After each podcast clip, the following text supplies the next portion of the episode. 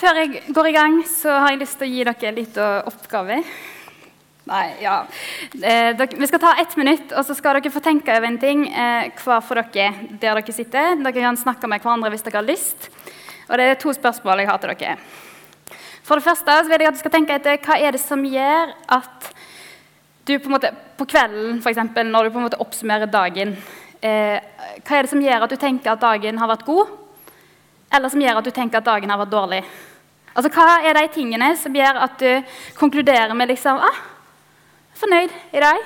Og hva er tingene som gjør at du er sånn ah, fillen, prøver igjen i morgen? på en måte. Hva er de tingene? Tenk på én ting eller to. Og for det andre så har jeg lyst til at du skal tenke etter hvorfor du kom på møte i kveld. Sånn helt konkret og egentlig, liksom. Hvorfor er du her nå i stedet for å lade opp til fotballkamp eller sole deg eller et eller annet? Hvorfor, hvorfor er du her i kveld? Okay? God eller dårlig dag? Hvorfor er du her? Vi tar noen sekunder til det. Alene eller i lag.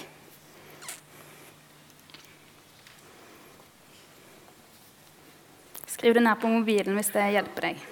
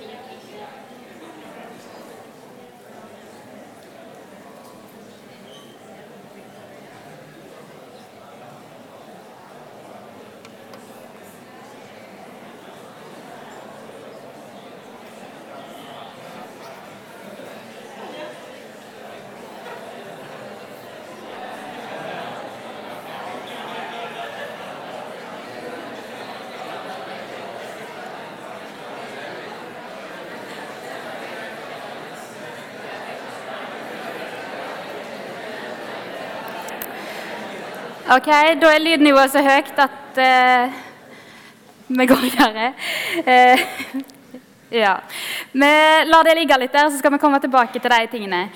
Uh, I teksten som jeg har fått å tale om i dag, så har vi kommet helt til kapittel 20 i Apostelens gjerninger. Jeg regner med de fleste er klar over at vi har gått gjennom Apostelens gjerninger i løpet av våren her. Og nå har vi kommet ganske langt, til kapittel 20. Eh, og Da er vi på en måte forbi ganske mye av det søndagsskolestoffet, på en måte, eller de historiene som er kjent. og sånn. Fra kapittel 21 og helt til slutten, 28, så handler det om misjonæren Paulus og rettssaken mot han, som vi vet at endte med at han døde. Det står det ikke om i Apostelens gjerninger, men vi vet det eh, fra andre kilder. Eh, så vi, vi, nærmer oss på en måte slutten eh, av fortellingen, og dette er liksom rett før før det begynner å bli skikkelig alvorlig, eh, før Paulus blir fengsla eh, og dømt eh, for, fordi han driver med misjon. Eh, men akkurat nå er Paulus fortsatt på misjonstur, på den tredje misjonsturen sin, og han er på vei tilbake til basen sin i Jerusalem. Og så På veien så treffer han noen ledere fra menigheten i Efesus, de som han har skrevet Efeserbrevet til. Skal han treffe dem, og så holder han en tale til dem. Og det er det som på en måte er teksten vår i dag, den talen som han holder til lederne i Efesus. Og Paulus han har skjønt at det skal skje noe dramatisk. Han vet det som vi òg vet, at eh, snart så kommer han til å bli tatt og sannsynligvis drept. Eh, men det vet ikke de andre. Men, men, vi merker det litt i teksten at han, eh, han er litt sånn i sånn avskjedsstemning. Eller det er sånn, sånn som på film sant? før de skal inn i et slag, eller før, liksom, før, det skjer sånne store ting, sant, så er det gjerne noen som har en tale der de liksom setter mot i folk og minner de om hva en kjemper for.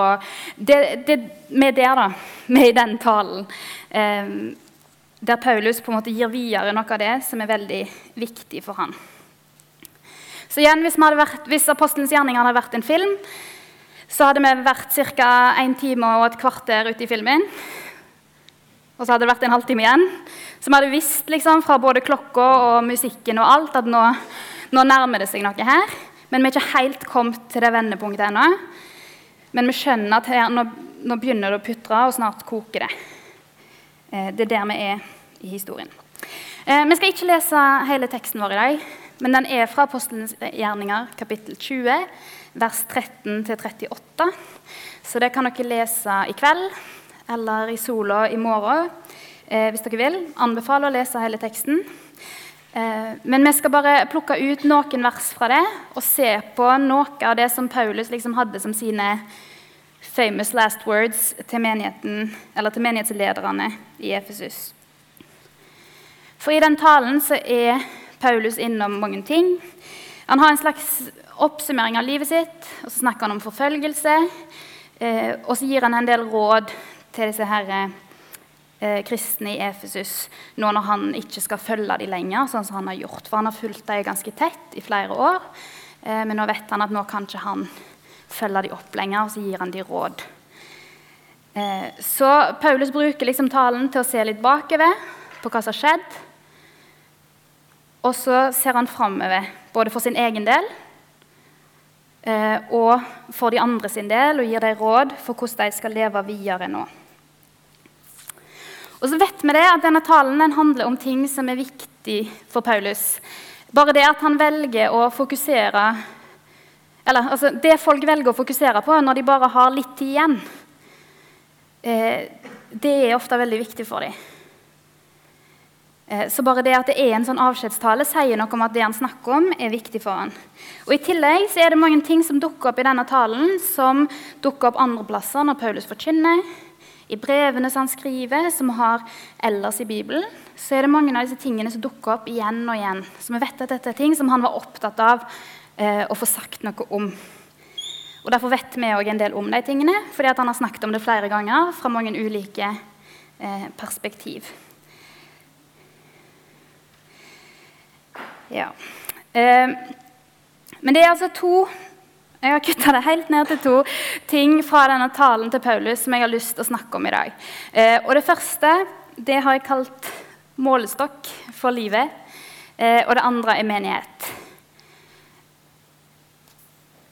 Og Så får dere lese resten av teksten sjøl. Men vi begynner med det som jeg kaller målestokk. og Da skal vi lese ett av versene, som er Apostelens gjerninger kapittel 20, vers 24. Og der står det Men for meg er ikke liv eller død verdt å snakke om.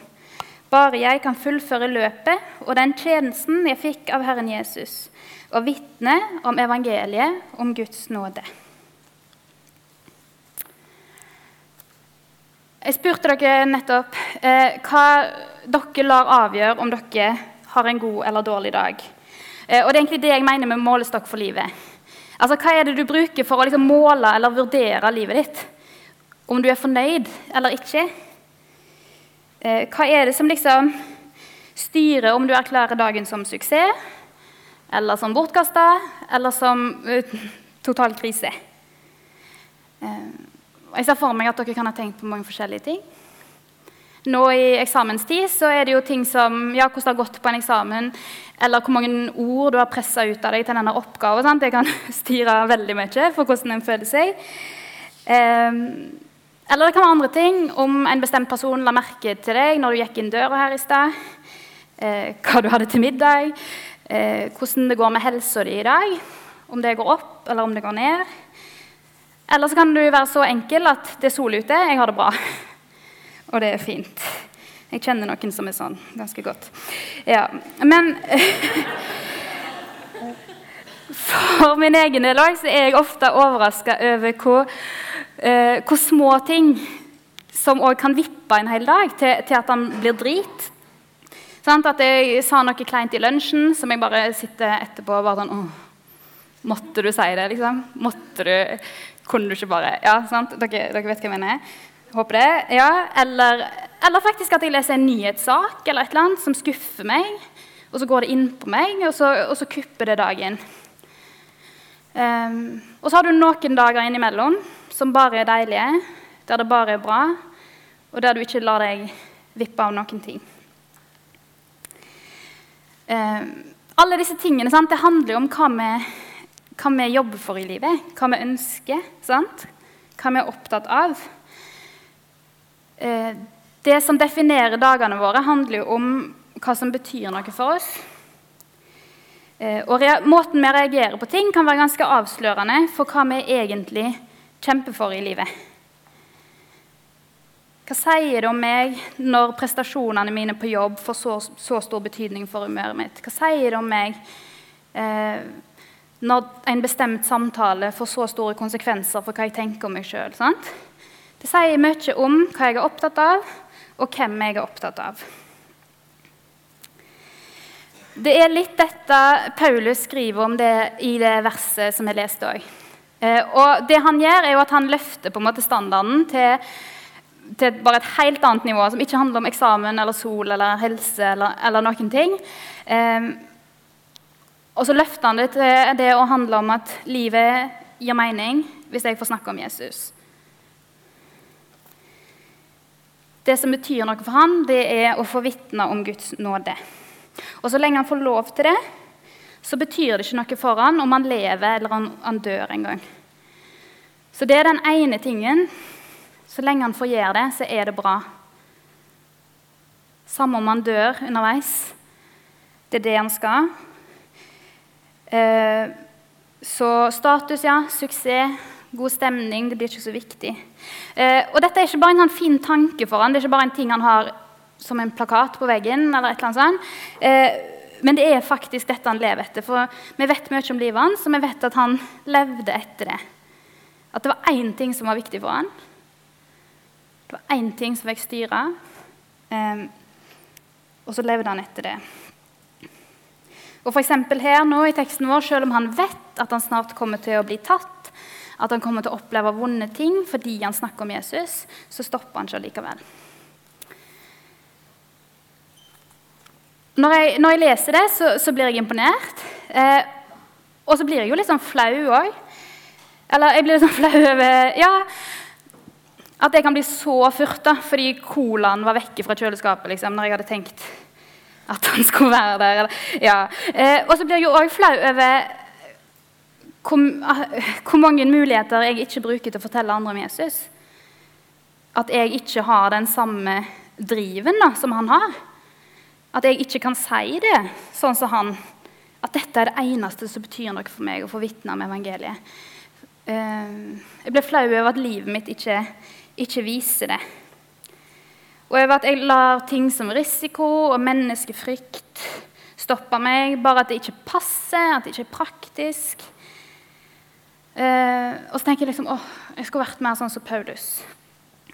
For han hadde på en måte skjønt noe, og så lot han ikke bare være en teori, men han lot det få konsekvenser for livet sitt. Og nå så får jeg lyst til å si to ting i fortsettelsen som jeg sliter veldig med å få til å passe sammen. For jeg får veldig lyst til å pushe på denne tanken, til å oppfordre oss alle sammen til å leve som Paulus. Jeg får lyst til å oppfordre oss til å være like kompromissløse, målretta, sånn som han. Og Samtidig så får jeg veldig behov for å si at vi må ikke stresse. Og at faktisk er ikke alle kalt til å leve akkurat sånn som han. Eh, og at vi kan stole på det at det er viktigere å leve nærme Jesus enn akkurat hva vi gjør i tjeneste for han. Og Begge de tankene gir Bibelen med grunnlag for å si. Og begge tankene er viktige, men jeg sliter litt med å få dem til å passe sammen. Og det er en spenning der eh, som er der på veldig mange områder i livet som kristen. Det er den spenningen mellom det kallet vi har til å være radikale og modige, samtidig som vi er kalt til hvile og tillit hos Gud. Hos Gud. Eh, Og det, Folk lever som kristne et helt liv uten å på en måte finne plassen sin i den balansen. Eh, så det er ikke lett å, å lande liksom, hva akkurat rett mengde innsats og akkurat rett mengde hvile. Eh, så Derfor skal ikke jeg løse hele den, jeg heller. Men, men jeg har lyst til å si én ting om det i dag. Eh, ut fra det forbildet som Paulus faktisk er, og det vitnesbyrdet som han faktisk gir. Um, og En ting som, som, er viktig, det er at Paulus hadde sett et helt bilde. En hel sammenheng. Og det trenger vi òg når vi skal være etterfølgere av Jesus. Um, Paulus var ikke bare modig for å være modig. Det var ikke sånn at Paulus hadde hørt en tale en gang der noen sa det er viktig at du snakker om Jesus uansett. Og så sa han ok, jeg skriver meg på den lista, og så gikk han ut og gjorde det. Paulus hadde møtt Jesus helt konkret. Um, han stolte på han. Paulus ble ledet av Den hellige ånd.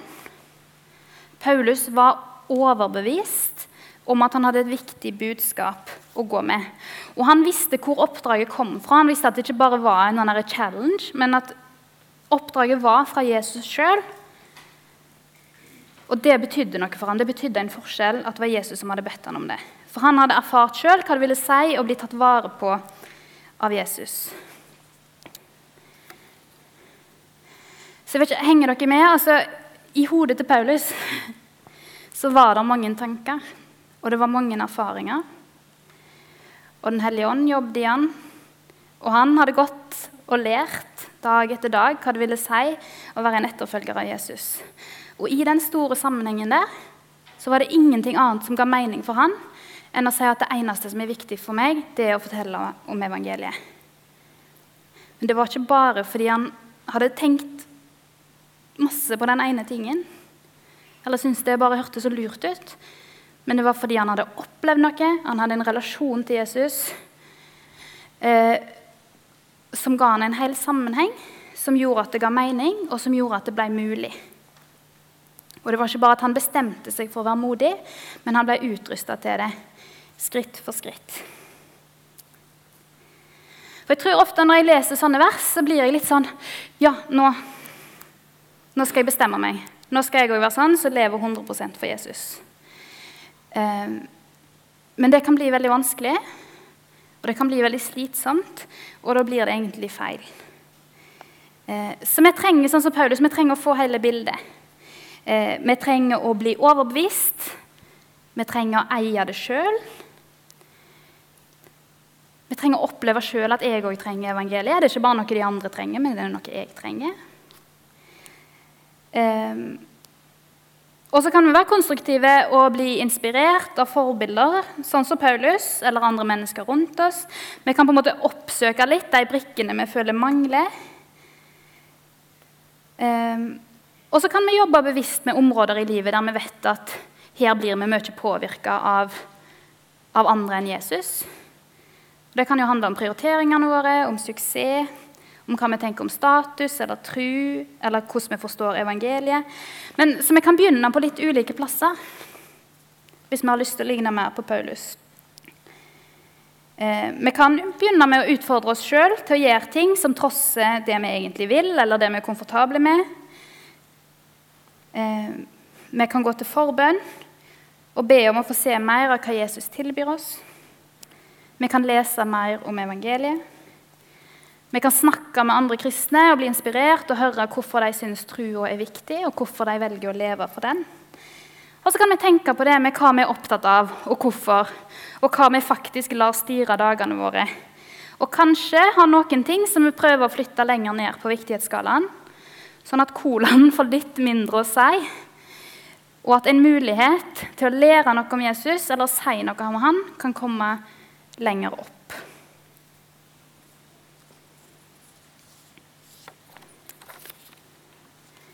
Det var punkt én. Målestokk for livet. Punkt to menighet. I talen sin gir Paulus egentlig bare ett råd eh, til de han snakker til. Og av alle råd han kunne valgt å gi, så gir han dette. Og Det står i vers 28. Der sier han til disse lederne at de skal ta vare på seg sjøl og hele flokken eh, som Den hellige ånd har satt dem til å være ledere for. Og Dette er ekstra fordi de er ledere, eh, men det sier noe om generelt hvor viktig det er å ta vare på seg sjøl som kristen, og det å ta vare på fellesskapet som kristne. Og jeg, bare, jeg vet ikke med dere, men jeg bare syns det var veldig gøy at det står 'flokken'. Eller jeg får litt sånn der istid Eller jeg klarer, Noen der 'flokken', sant? Eh, han sier jo det. Eh, og så, Jeg bare syns det ble litt fint, for det, sant? istid er jo en litt sånn tilfeldig flokk, for å si det sånn. Eh, og, og, sånn er det jo litt som kristen òg når vi møtes med andre kristne, så er vi ofte en litt eh, tilfeldig flokk. Eh, men det er viktig som kristen å ta vare på seg sjøl og ta vare på den flokken en har fått eh, å være med. Og Det er ikke tilfeldig at Paulus sier akkurat dette her, at han liksom løfter fram akkurat det med menigheten, egentlig. For han vet hvor viktig fellesskapet er, og så vet han hvor sårbart det kan være. Og så fortsetter han i talen sin med å advare mot vranglære og mot misforståelser som kan ødelegge i menigheten. Eh, andre plasser der han snakker om dette, så har han fokus på alt det folk i en menighet kan være for hverandre. Hvor mye vi trenger hverandre. Så det å ta vare på hverandre i menigheten handler både om å beskytte seg mot det som ødelegger, og om å ta vare på hverandre og bygge det fellesskapet som en har. I begynnelsen så ba jeg dere tenke på hvorfor dere er her i dag. Og da igjen så regner jeg med at dere tenkte på mye forskjellig. Eh, det kan være av vane, det kan være pga. lovsangen, det kan være fordi noen inviterte deg, fordi du har ansvar for noe, fordi du ville møte noen, fordi du har gått hele uka og lengta etter et møte.